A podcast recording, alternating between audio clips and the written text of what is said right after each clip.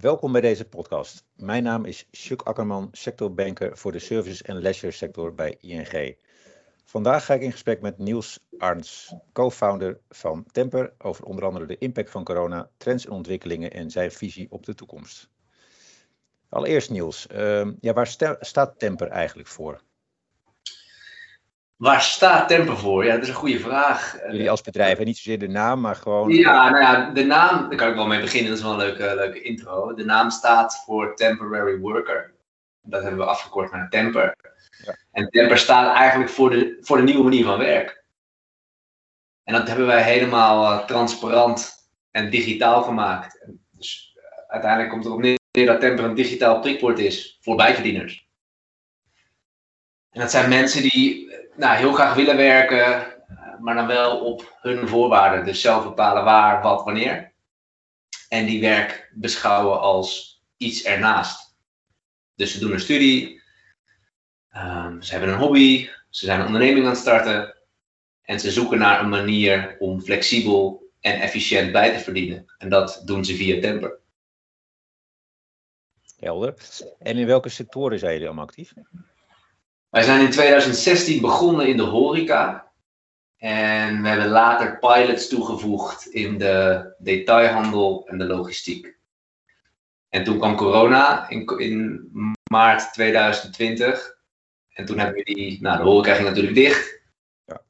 Toen hebben we die pilots die we in logistiek en detailhandel deden, hebben we opgeschaald. Dus in, in, toen corona kwam, is 95% van onze omzet weggevallen.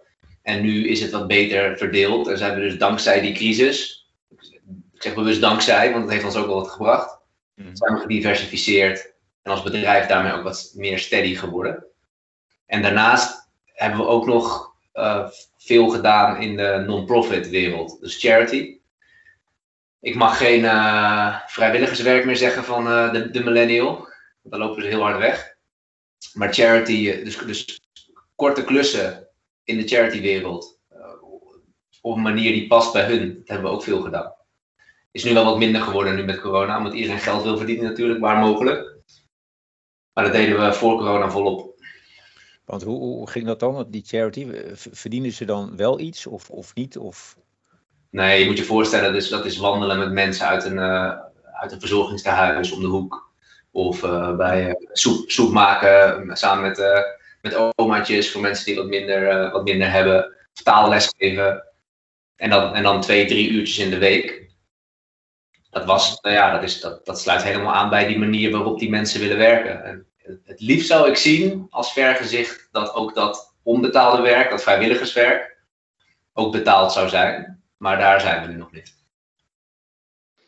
Oké. Uh, nee, helder, uh, duidelijke introductie. En, en ja, je, je, had het al even over corona, hè, maart, maart vorig jaar. Uh, ja, hoe zijn jullie te werk gegaan toen dat zich aandiende? Dus meer bedrijfsmatig, ja, wat ja. heb je genomen? Hoe, hoe, hoe ging je daarmee om? Nou ja, het is gewoon meteen crisis natuurlijk. En, en je maakt, focus is het allerbelangrijkste.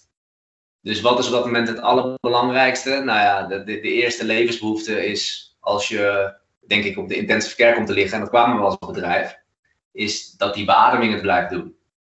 Hm. Dus dat is het eerste. We hebben geïnventariseerd wat is er nodig uh, voor ons als bedrijf om te overleven. Nou, gelukkig kwamen er ook steunpakketten uit de over, vanuit de overheid. Dus dat is allemaal best wel goed geregeld en snel geregeld. Um, en je moet je gaan aanpassen om te gaan overleven. Dus je gaat een inschatting maken, oké, hoe lang gaat dit duren? En, en vervolgens bepaal je daarop je stappen. En dat heeft voor ons, weet je, flexibiliteit is voor ons heel belangrijk. Het zijn persoonlijk mijn eigen waarden. Dus vrijheid, flexibiliteit, autonomie is belangrijk. Dat bieden we ook aan die mensen die temper gebruiken om bij te verdienen. Vrijheid en flexibiliteit.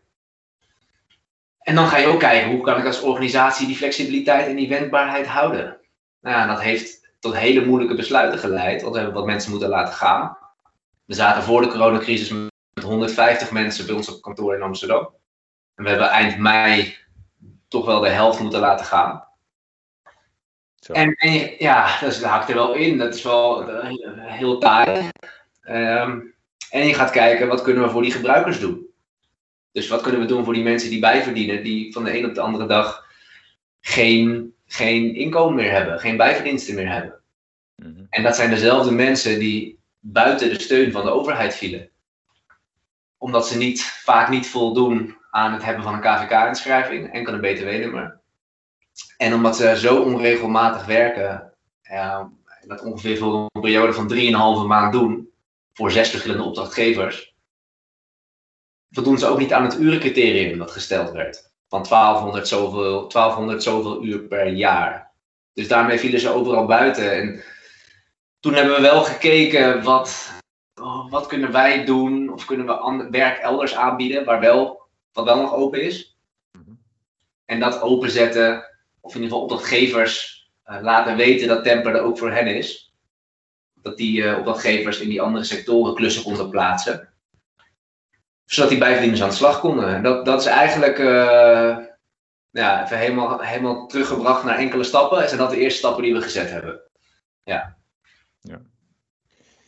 En als je, als je kijkt naar de totale impact van corona. Uh, ja, uh, net al even omzet impact. Hè? Dat was ja, gigantisch natuurlijk. Ik bedoel, de, de horecasector is de sector die, wij, die ons het meest aan het hart gaat. Daar zijn we begonnen.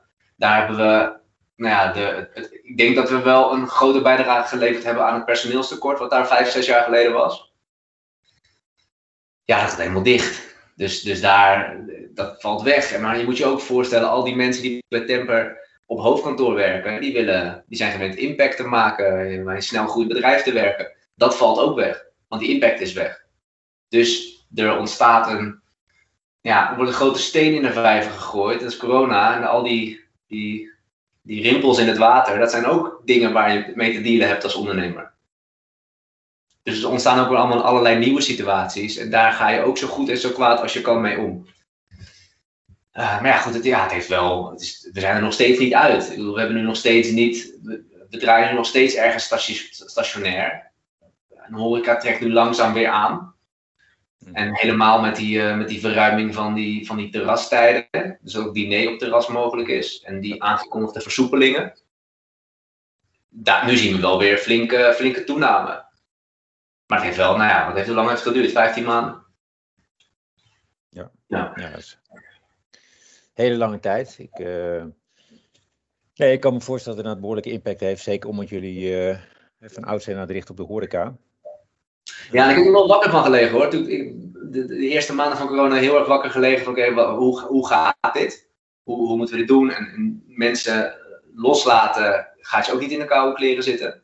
Maar gelukkig zagen we in juni 2020, toen de terrassen weer open gingen, dat meteen de activiteit echt, een, sky high ging. Dus we gingen toen van, nou, na, van nagenoeg uh, 10.000 gewerkte uren in de maand, gingen we naar 180.000 eh, uren in de maand. Van, van, de een op de andere maand. En om dat een beetje in perspectief te plaatsen, we deden in december voordat corona losbarstte, dus in december 2019, deden we bijna 300.000 uur in de maand. Dus, dus ja, je ziet dan wel weer, als het dan weer kan, dan weten ze gelukkig wel weer die weg te vinden naar Temper, wat mij de bevestiging geeft dat we de juiste dingen aan het doen zijn. En dat dit, dat dit here to stay is. En, en als je nou zo terugkijkt hè, uh, op die laatste 15 maanden, wat heeft die coronacrisis je geleerd op ondernemersvlak? Nou ja, zoveel dingen. Ik vind het een mooie vraag. Zoveel dingen. Dus, dus focus houden. Um, maar ook wel, ook wel dat je in die donkere dagen, in die donkere maanden, dat je niet, dat je geen hele existentiële keuzes moet maken over, over de toekomst en over je activiteiten en over dingen wel of niet doen. Het gaat dan, dus weer op die focus ter sprake, het gaat dan om je focussen om uit die tunnel te komen. Daaruit, uit die, eigenlijk van die intensive care af. En dat is gelukt nu, dus daar ben ik echt super blij mee. Uh, maar dat is wel denk ik de grootste les. Ja, ja. Focus houden en erop vertrouwen dat het dan goed komt. Dat je er alles aan doet om het in goede banen te leiden. En als je nou terugkijkt, heb je dan ook zoiets van, hadden we misschien eerder moeten kiezen voor wat, wat, wat, meer ja, zeg maar spreiding in activiteiten? Of zeg je van ja, dit, dit, dit, dit, had niemand zien aankomen en het was prima dat we gewoon voor het zwaartepunt van de horeca afhankelijk waren?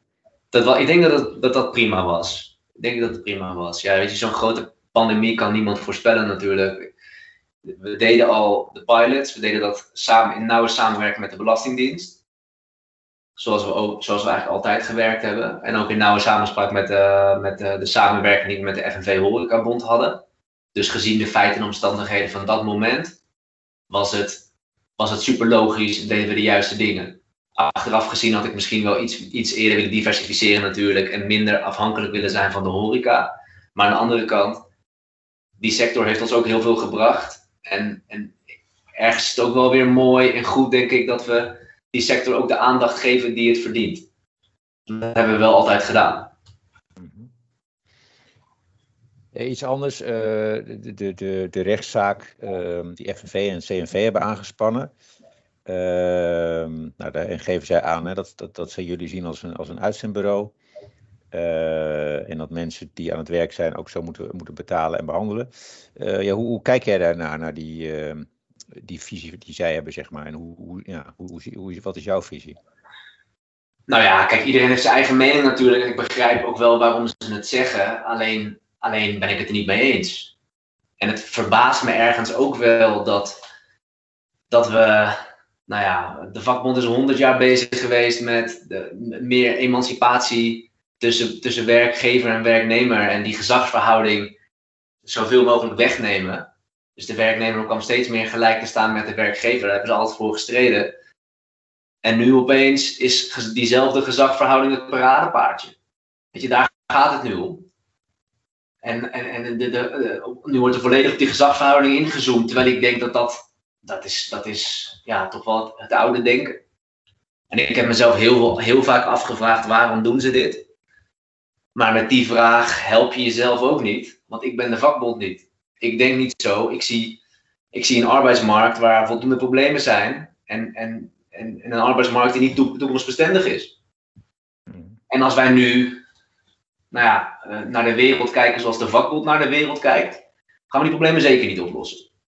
En als ik het over problemen heb, dan heb ik het over toegankelijkheid van de arbeidsmarkt, een mismatch tussen vraag en aanbod, discriminatie. Weet je, uh, we mogen wel wat liever gaan doen naar al die arbeidsmigranten hoor. En ik denk dat we juist tools als platforms, die staan voor uh, technologie en digitalisering, voor innovatie, dat we die moeten omarmen. En moeten kijken hoe kunnen we dit inpassen en hoe kunnen we ervoor zorgen dat iedereen bij deze situatie wint. En dat vind ik echt een groot compliment naar de FNV Horecabond. Want die hebben dat toen de tijd ingezien die hebben gezien, oké, dit is nodig om onze sector toekomstbestendig te maken. We gaan ze omarmen en we gaan samen kijken hoe we afspraken kunnen maken. En hoe we iedereen kunnen laten profiteren van horecazaak tot bijverdiener tot maatschappij. Tot vakbond zelfs en tot platform. En die manier, ik zou, ik, het lijkt me wel heel mooi als dat het uitgangspunt is. Dus dat je gaat opbouwen in plaats van gaat afbreken. En ik, ik kan niet anders dan nu de conclusie trekken dat, dat nou, de FNV en CNV in dit geval vooral bezig zijn met afbreken.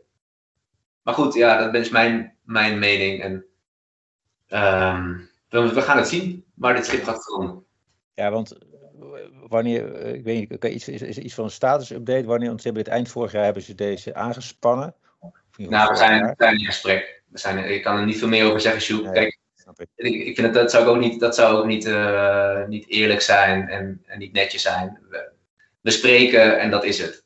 Dat is nu wat er, wat er aan de hand is. Ja. Oké, okay. dan even zeg maar naar de, naar de toekomst kijkend. Hè. Uh, nou, we hebben nu deze coronacrisis. Hoe, hoe kijk jij naar, uh, ja, hoe richt je je onderneming in voor de, voor de toekomst? Nou, we deden alles best wel lean en mean. Dus thuiswerken en remote werken is heel erg gewoon voor ons. Zoals het ook al voor corona. En we hebben ook een deel van, van het development team zit in Sri Lanka. Dus daar is weinig veranderd. Ik denk dat we dat meer gaan doen. We gaan het, het kantoor waarschijnlijk op een iets andere manier, iets andere functie geven. Dus meer voor samenkomst en voor nou, meer creatieve sessies en, en, en bijeenkomsten. Mm -hmm. En verder uh, zijn we wel aan het kijken hoe kunnen we nog diverser, diverser waarde toevoegen. Ook in andere sectoren. Sectoren die groot, grote maatschappelijke impact hebben. Mijn ouders zijn, waren, zijn allebei met pensioen, sinds kort, maar die, die waren basisschooldocent op een school in een basisschool in Midden-Nederland. En die hadden een invalkracht of een collega die kwam assisteren bij ziekte. En die kwam elke ochtend vanuit België gereden. Zo. Ja, vind ik best wel heftig. Ik, ja. dat, dan denk ik wel van, ja, ik heb twee jonge kindjes van twee en vier, waarvan de, dus de oudste net naar de basisschool is. Ja, dat, we nemen het allemaal zo voor lief dat, dat, dat onderwijs en kennis er is, maar dat is eigenlijk helemaal niet zo. En we, hebben heel veel, we doen altijd constant veel onderzoek onder die groep bijverdieners die via Temper werken. En dat zijn onderwijs en zorg zijn nou net sectoren waarbij, um, waar, waar zij ook heel graag waarde zouden willen toevoegen, maar wel op hun voorwaarden. Zoals ze nu ook in de horeca en de logistiek en de detailhandel werken. Dus dat is wel een interessant uh, vooruitzicht. Maar verder laten we eerst maar gewoon eens open gaan. En laat het allemaal maar weer eens een beetje aantrekken. En dat die mensen gewoon weer geld kunnen verdienen. En uh, dat die horecazaken en, en, en al die andere ondernemingen die het zwaar hebben, dat die ook weer gezond worden. Dan kijken we daarna wel weer verder. Geen haast ook. Oké, maar dus in de toekomst mogelijk meer richting, uh, of, of verbreding richting zorg en onderwijs. Dat zou, dat zou een, eh, een, iets kunnen zijn. Dat zou zeker iets kunnen zijn, ja, absoluut. Er zijn nog wel meer sectoren die interessant zijn, maar ik licht er nu even twee uit die mij persoonlijk aan het hart gaan. Um, even kijken, en verder als je kijkt naar technologie, hè, uh, jullie zijn natuurlijk een platform. Um, maar wat doen jullie verder op het gebied van bijvoorbeeld AI, uh, data, digitalisering? Nou ja, veel wel. We zijn, we zijn een, een techbedrijf. Uh, en dat is wel weer grappig, want dat is toevallig ook een van de dingen waarvan we, waar, waar, waar, veel misverstanden over bestaan. Over algoritmes die we hebben draaien. Maar die zijn er niet. En het is een heel spannend woord geworden. En, en ook heel erg, wordt veel gebruikt door tegenstanders van platformen om, om nou ja, die platforms te duiden en ze in een nou, toch wel een beetje kwaad daglicht te stellen. Maar bij Temper draaien er geen algoritmes. Nul. Dus als er 20 mensen, als jij morgen een klus plaatst, mhm. en er reageren 50 mensen, dan gaan al die 50 mensen krijgen die klus te zien. En al die mensen die, die zie jij als opdrachtgever ook. Het is niet dat wij filteren of mensen buitensluiten. Helemaal niet. Dus, dus daar doen we, doen we ja, ik denk verrassend weinig. Er draaien dus geen algoritmes op Temper. We doen ook niks met AI. Het is allemaal niet nodig. De, de, de problemen die opgelost moesten worden en moeten worden, die zijn op te lossen met simpelere dingen dan AI bijvoorbeeld. En dat doen we nu heel simpel door, door een digitaal prikbord in de lucht te zetten, waar die mensen weten te vinden, waar, waar je op een eenvoudige manier snel toegang kan krijgen tot, tot, tot een divers aanbod van goed betaald werk. En helemaal zelf kunnen bepalen wat je doet. We stellen niemand ter beschikking aan derden, zoals een uitzendbureau doet. Ik bepaal niet waar jij morgen gaat werken. Sterker nog, het maakt me helemaal niet uit. En we zien dus ook dat heel veel van die mensen temper gebruiken om het even drie maanden te doen. Gemiddeld uh, 25, 30 uur in de maand. En dan vervolgens weer iets anders gaan doen. En we zien ook heel veel gebeuren dat ze rechtstreeks in dienst gaan bij die zaak waar ze gewerkt hebben via temper. Dat leggen we ook helemaal niemand een strobreed in de weg. Dus er zijn geen overnamekosten of, of dingen die bij uitzendbureaus heel gebruikelijk zijn. Helemaal niet. Nee, je mag besturen nog net geen appeltaart of uh, slagroomtaart. Als jij in dienst gaat bij een opdrachtgever waar je gewerkt hebt. Want dat is, naar mijn mening, de meest pure vorm van een opstap naar vast werk. Of van een opstap naar een contract. Dus laat het dan ook zo zijn, weet je. Ik heb er wel vertrouwen in.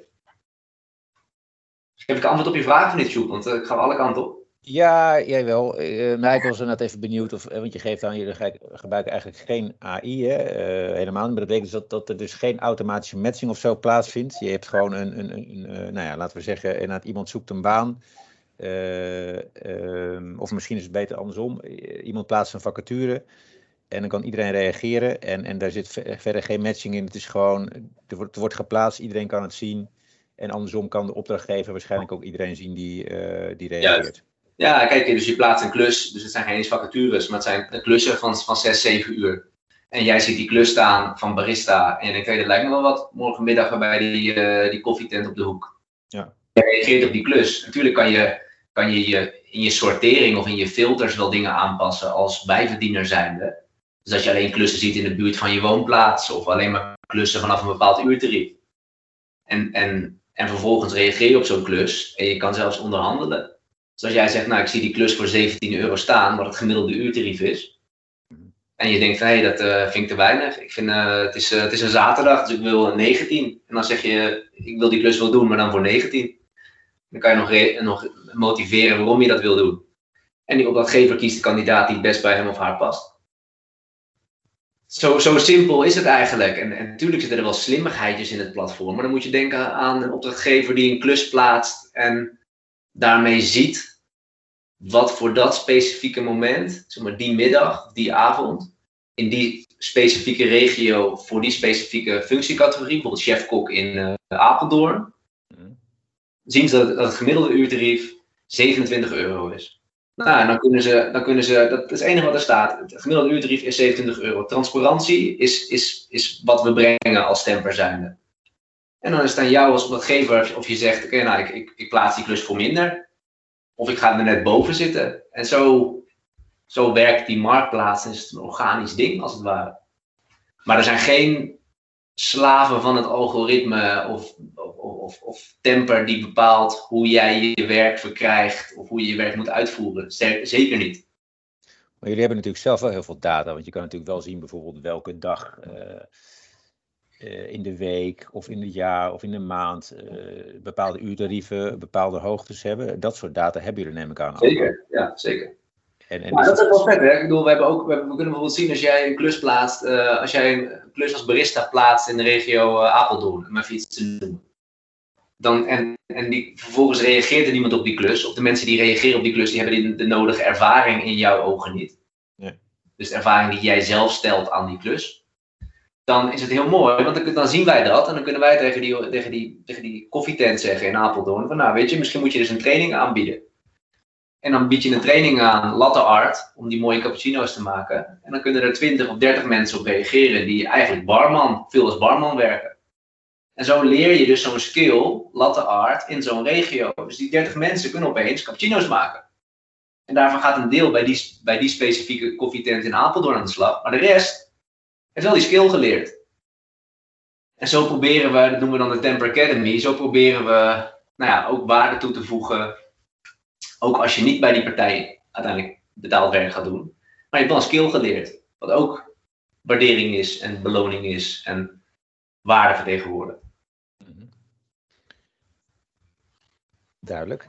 Um, nou, ik kwam net al even voorbij, hè, je, ideeën die je hebt voor de toekomst. Als je kijkt naar, naar iets, iets dichterbij, uh, dit jaar, uh, wat voor plannen hebben jullie verder nog voor dit jaar en eventueel voor volgend jaar? nou, nu weer uh, op kracht komen. Dus ervoor zorgen dat dit jaar dat, de business weer gaat draaien. Dat die mensen weer kunnen verdienen via Temper. En dat nou ja, de horeca weer zo sterk wordt als dat het was voor de coronacrisis. Dat is nu voor ons het belangrijkste. En we hebben de logistiek en de detailhandel waar we ook uh, nou, groter in geworden zijn. Dus dat blijven we vooral doen. Daar gaan we gewoon in verder. En hier en daar doen we pilots in andere sectoren dat is nu wat dit komende jaar ons gaat brengen. En ja, veel verder dan dat wil ik ook eigenlijk niet kijken. Laten we eerst dat maar doen. En uh, weer even op kracht komen. En um, nou ja, gewoon weer een bedrijf worden wat we waren. En, en vanuit daar weer vanuit die positie van kracht weer verder kijken. Als je kijkt naar de ontwikkelingen in de flexbranche, uh, nee, aan je zelf geen uitzendbureau bent, maar neem aan dat je wel een beetje kijkt wat er allemaal in die markt gebeurt. Um, wat zijn de belangrijkste trends en ontwikkelingen die jij uh, daarin ziet? Nou ja, vanuit, vanuit overheid dat wordt het allemaal wat minder, eh, wordt het allemaal wat versoberd. Dus, dus flex, wat minder flex. Wat ik denk dat een hele populaire term geworden is, maar niet per se oplossing is. Als je kijkt hoe, hoeveel waarde flexwerk vertegenwoordigd heeft, en dan met flexwerk bedoel ik alles van uitzenden tot uh, nul uren contracten tot, en alles ertussenin, dan, dan denk ik dat het dat het zonde is om, om, daar, uh, om daar de teugels heel erg aan te trekken. Ik, zou wel, ik denk wel dat het goed is om naar de misstanden te kijken. Weet je, mensen die, die al 16 jaar als uitzendkracht werken, terwijl ze eigenlijk uh, ergens in dienst willen, ja, dat is heel treurig. Of mensen die fulltime via platforms werken om zo een gezin te onderhouden. Ja, is ook, is ook niet waar het voor bedoeld is. Zo is Temper nooit bedoeld. En, en dat, dat zien wij in de praktijk ook helemaal niet. Wij hebben allerlei dingen in het leven groepen waar dat ook helemaal niet mogelijk is. Dus ik denk dat dat, en, uh, als je het over de flexmarkt hebt, is dat dingen die ik zie gebeuren. En dan in een breder, even uitgezoomd, in een bredere arbeidsmarkt, denk dat we het moeten gaan hebben over de echte problemen. En dat is, hoe gaan we mensen toegang geven tot die arbeidsmarkt? Van arbeidsmigrant tot, tot jongeren, tot, nou ja, noem het op. En hoe gaan we ervoor zorgen dat die mensen een eerlijke kans hebben om inkomen te krijgen en die ongelijkheid wegnemen en ervoor zorgen dat die vraag en aanbod goed gematcht worden. Dat die uh, opdrachtgevers een bepaalde zekerheid hebben van een extra flexibele schil. Dat, dat ze kunnen, kunnen dat flexibel kunnen zijn en, en dat ze snel toegang hebben tot goede, gemotiveerde krachten. Dat zouden de vragen moeten zijn waar we het over moeten hebben. Natuurlijk hoort daar een bepaalde zekerheid bij. Een zekerheid die we iedereen gunnen. Maar dat moet losstaan van of je uh, vast werkt of flex werkt. Ik kan, ik de term bijna niet meer horen, flexwerk. Laten we het over zekerheid hebben, laten we het hebben over kansen en over weerbaarheid. Hoe zorg je ervoor dat mensen weerbaar zijn? Dat als we een keer weer overspoeld worden door zo'n coronagolf, of wat er dan ook nog gaat gebeuren, dat we weerbare mensen hebben. Natuurlijk helpt de overheid daarbij. Dat hebben we ook het afgelopen jaar gezien. Maar die weerbaarheid, laten we het daar alsjeblieft over hebben. En ga me alsjeblieft ook niet vertellen dat mensen die een vast contract hebben meer weerbaar zijn. Ik hoorde laatst een mooi verhaal. En dat was dat als je, dat, dat, dat, stel je voor, er zitten vier mensen in een projectteam bij eh, een consultancybureau, waarvan twee mensen in dienst en twee mensen als freelancer. En vervolgens hebben ze een project gedaan ergens, ze rijden naar kantoor met z'n vieren in diezelfde auto. En ze horen daar van de baas, van de manager, horen ze, jongens, we gaan stoppen met het project, jullie zijn allemaal, we stoppen met het werk, jullie zijn allemaal je baan kwijt. Dan weet ik zeker dat die twee mensen die in dienst zijn, volgende paniek schieten en zichzelf allerlei rechten hebben uh, toegeëigend en boosheid en nou, alles wat erbij komt kijken. Terwijl die andere twee mensen die al zelfstandigen werken, dat die weerbaar zijn. Die begrijpen wat ze doen, die begrijpen waar ze ja tegen hebben gezegd, die begrijpen dat dit erbij hoort. En ik zeg niet dat iedereen als zelfstandig moet werken, helemaal niet. Je moet doen waar je goed bij voelt. Alleen weerbaarheid is wel een, is wel een een begrip wat, wat naar mijn mening de lading goed dekt. En weerbaarheid krijg je door nou ja, uh, skills, vaardigheden, uh, bepaalde zekerheden in het leven. Weten dat er een vangnet is. Laten we ons daar dan op focussen en niet op gezag en andere middeleeuwse begrippen, met alle respect hoor, die, die we al lang niet meer, die al lang niet meer passend zijn voor deze tijd. Ja. Ja, het punt is, uh, is duidelijk. Uh, iets anders, duurzaamheid. Uh, wat, wat doen jullie zelf op het gebied van duurzaamheid? Nou, niet genoeg. Niet genoeg. Dus ja, niet, niet, ja, niet genoeg.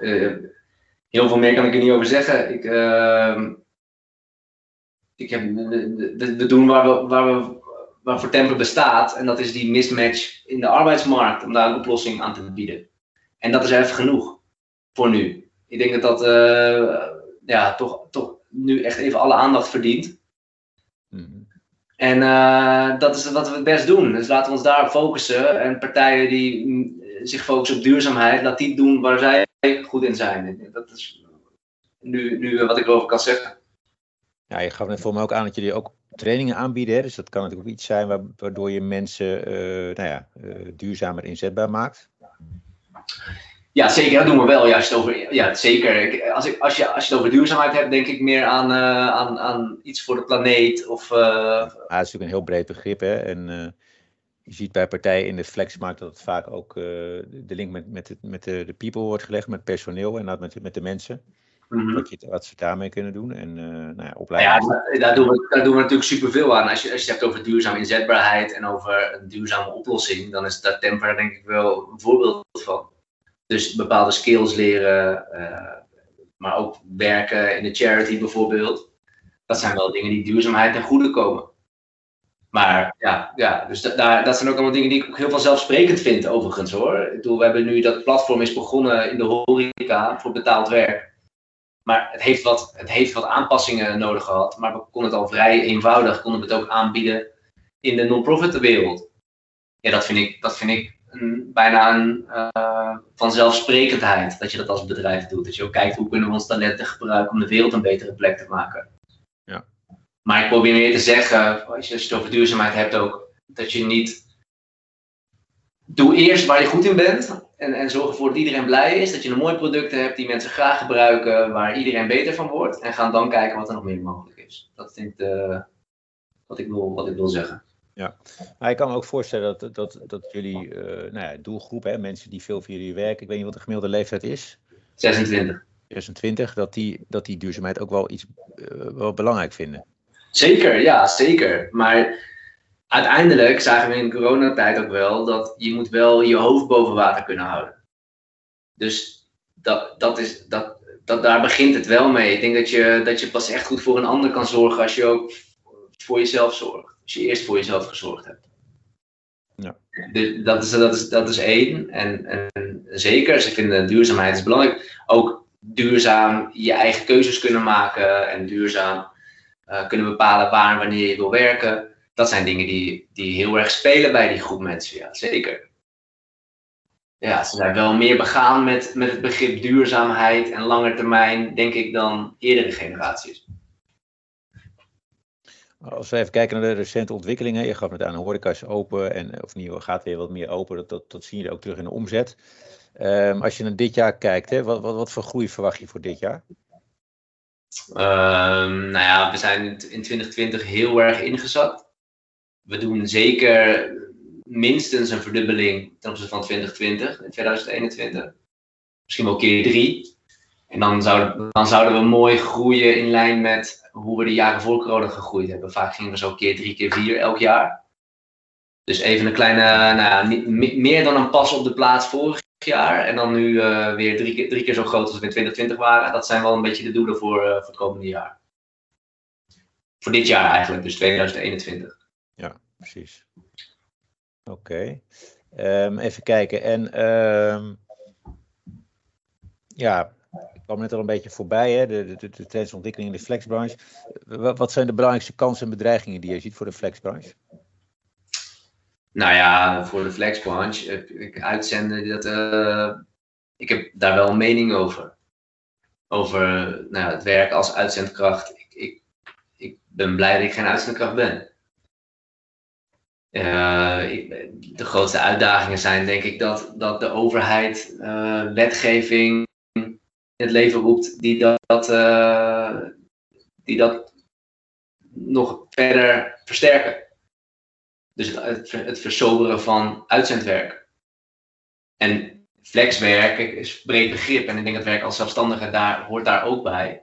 Daar zullen ook dingen voor ontstaan. Ik bedoel, Colmes heeft het een paar jaar geleden over een minimumuurtarief gehad. Er wordt nu gesproken over een, een basisverzekering. Dat lijkt me, zijn, lijken me allemaal hele goede ontwikkelingen, dus let's do it ik zie dat niet per se als uitdaging, uh, helemaal niet. Ik denk dat daarmee alleen maar de propositie sterker wordt. En dat er meer mensen op die manier willen werken. Dus dat minimumtarief, dat hebben wij altijd al gehad vanaf het begin van Temper. 13 euro per uur was dat. En, en als dat nu naar, naar 15 of 16 of 17 euro zou gaan, dan zou ik het alleen maar toejuichen. Dat hebben we twee jaar geleden ook gezegd.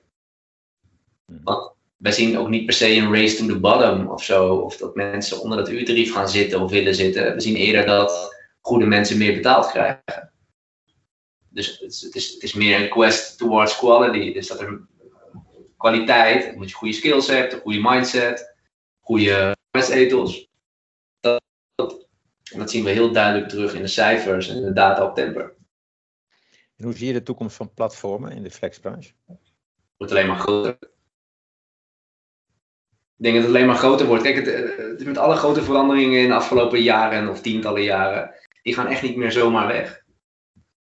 En er is een hele grote groep mensen die op deze manier wil werken, die een bewuste keuze maken om op deze manier te werken. En dat doen ze niet zonder reden. En maar niemand praat met die mensen. Dus er wordt heel veel over gesproken. Er worden deeltjes gesloten tussen werkgeversorganisaties en vakbonden, terwijl er niemand praat met die mensen die op deze manier willen werken. En dat, die trend zien we veel breder dan alleen in Nederland. Er zijn ook in Europese landen zie je dat er meer toeneemt. Het is nog steeds klein. Het is nog steeds uh, nou ja, bijna nihil in de grotere arbeidsmarkt, maar het neemt wel toe. En er zijn steeds meer mensen die platformwerk ook zien als een tweede of zelfs derde inkomstenbron. Dus ik zie niet in hoe dat, ik zie dat niet veranderen. Ik zie dat niet minder worden. Sterker nog, wordt alleen maar meer, denk ik. Omdat het een hele goede bijdrage levert aan die mismatch op de arbeidsmarkt. En het zorgt voor een gezonde arbeidsmarkt. Als laatste, uh, Niels, want het, we zijn alweer aan het einde van ons gesprek. Uh, heb je nog tips voor andere ondernemers? Um, ja, zoveel. Ja, ik, uh, nou, noem maar drie. Drie, drie tips. belangrijkste. Sowieso omring jezelf met de juiste mensen. Dat is een belangrijke. Dus niet alleen maar mensen die het overal altijd mee, maar mee eens zijn, maar ook mensen die af en toe een keer iets anders vertellen. Die zorgen voor een frisse blik. En tweede is, zorg, maak, maak als, je een, als je een product hebt, of een platform is dat ook een product is natuurlijk. Welk probleem los je op? Zorg dat je haar scherp hebt. Welk probleem je oplost. En valideer dat ook. Toets dat ook in de markt. Voordat je heel veel uren gaat stoppen in het mooi maken van iets. Of het afmaken van iets. Terwijl je een paar stappen, essentiële stappen vergeten bent in het begin. Uh, en als derde, ja, focus. Ik denk, wel dat het goed is om heel duidelijk doelen te stellen voor jezelf. Want dat gaat je helpen om uiteindelijk ergens uit te komen. Waren dat er drie? Zeker, hartstikke mooi. Uh, hartelijk dank uh, voor dit gesprek, Niels Arns van Temper. En voor de luisteraars, dank voor het luisteren. En voor andere podcasts verwijs ik je graag naar ing.nl.